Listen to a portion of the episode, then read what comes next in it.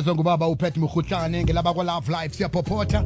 Lapho esikhulumisana khona-ke nodade eh ongusolwazi ehlangothini lezamaphilo ehlangothini lokuthotshwa komkhumbulo kudade udokasa wakwanhlapho sicoca ngendaba yokuzihlolisela eh amalwele athathana ngokomseme ngokomseme. Ukuhlolelwa ngokuphephileko ama-stis kunye nama-stds kuyenziwa kiwo woke amaziko wezempilo emphakathini wangekhethu. Ilutsha lifanele bona-ke licabange um ngalokhu nayikhibe kunye kwalokhu okulandelakho kuqalene nalo. Kokuthoma uqeda ukuba nesehlakalo somseme esingaba yingozi kuwe bekodwa uthwenyekile ngaso.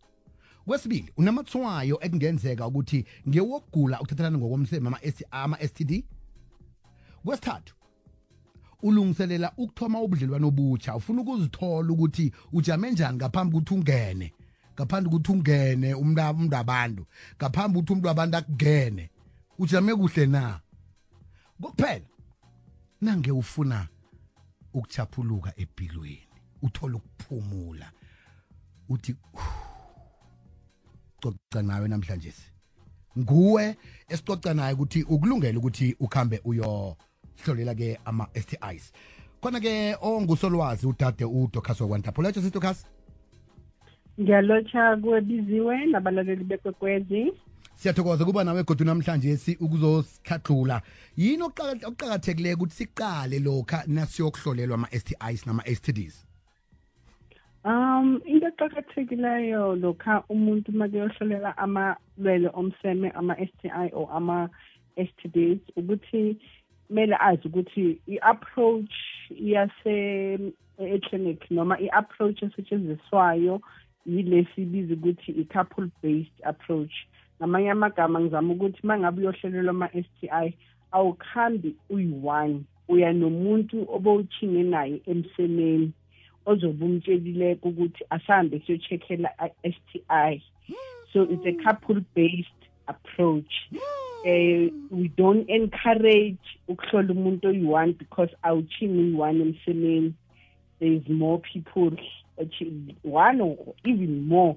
Bonke kumele bahlolelwe i-STI that Nange- is very important. Nangebe umuntu onamehla amaningi uhlala nabantu abayi-seven. Uyobatshela njani bokuthi asiyenike bakwethu? Ngoba nabo ubafihla.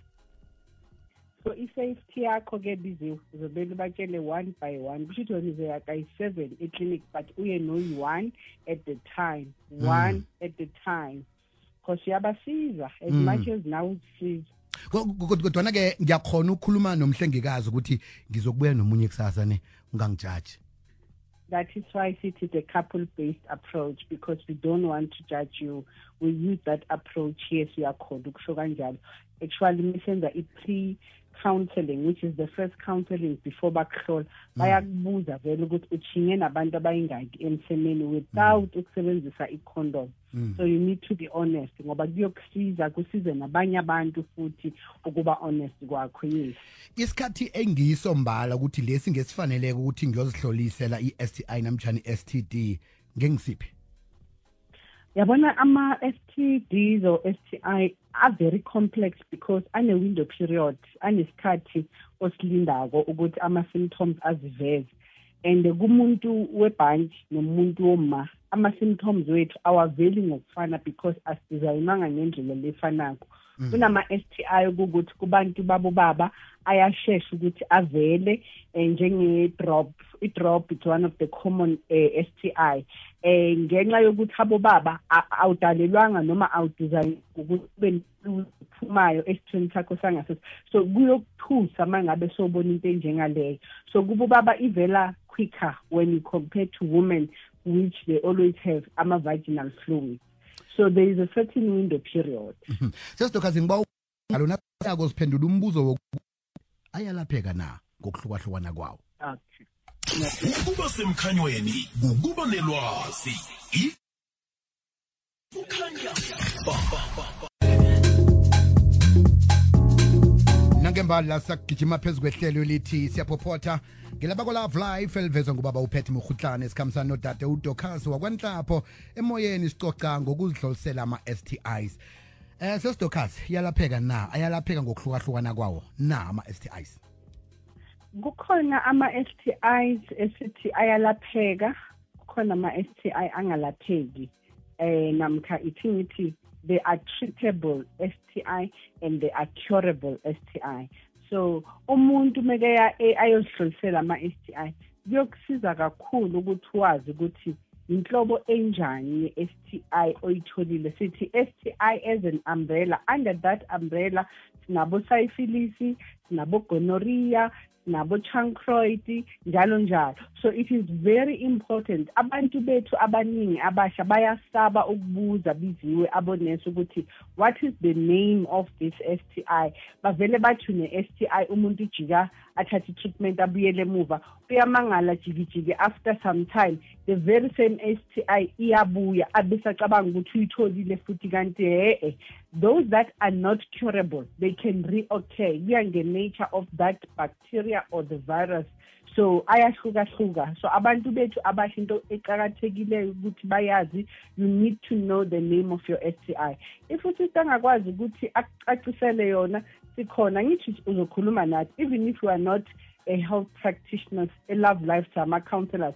But if you're going to discuss with me ama-symptoms owabonayo siyakwazi ukusho ukuthi hayi lanka ngoba i-drop iphuma ngama-drop drop and i-discharge yakhona i-thick yellow siyakwazi ukuthi hayi le ehambelana ne-gonorrhea i-gonorrhea is treatable or is curable or you should expect it like HIV, HIV is not curable. Once you have HIV because you fall under my STI, you need to know ukuthi yona is just iyanyangeka nje kuphela, it's just treatable. Mhm.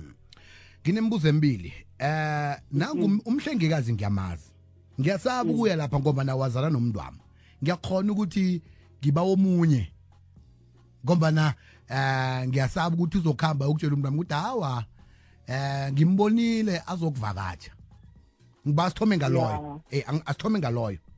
Umbuzo. You know kusasenaleyo nkinga but everything i-treatment abakunikeza yona emtholampilo wakho it has to be treated in confidence and confidentiality.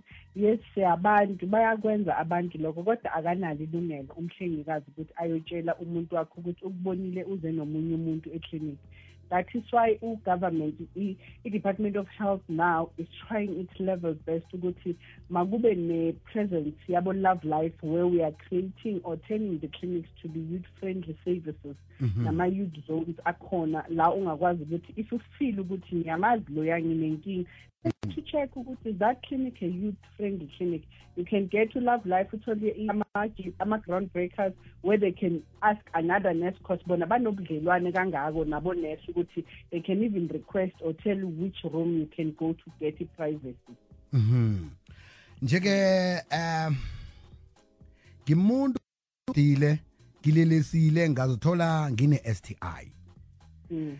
eh ngiyomtshela njani wakwami lo ukuthi eish nakho ke phela ngiletha into ngikhaya ngiyasaba nokuthi ngijinge nawe emabhayini inkosikazi namtjana eh baba kwami. Niyakhona ukungisiza nibahlenzi nibahlengikazi ngapho? Yes bayakhona ukukusiza. Into abayenzayo they're going to write a letter to you that you're going to take to your partner ukuthi sicela ukuthi ube available uze uzohlolisela i-STI and uh, njengoba ngishilo ngathi i-approach it's couple based approach that you are using ema-clinics abonesi. So it, you're gonna get i-counseling kune-pre and post counseling abaye banikeze yona. So mm -hmm. at the end of the day kumele if wena unganayo i-courage yokuthi umtshele umuntu wakho umlingani wakho celile ukuthi ukwenze lokho in a way if you cannot disclose. Sesidokhasi sibawa inomboro lapho abazanithola khona nabafuna ukukhuluma nani ngokunabileko cela abantu bethu abatsha basende i-please call me ku-083 323 1023 noma bathinge ekhasini lethu le-facebook la bangasi-inboxa khona sizokwazi ukuqhubeka sixoxisane nabo in confidence. Sesituka siyathokoza sakhuluma godu ngomvulo zako siphethe esinye isihloko esihladlula umlaleli. Salot aha. Ngelaba kwa-love life leli elivezwa ngobaba uphethe murhutlane qobe ngomvulo ngalesi sikhathi senza nje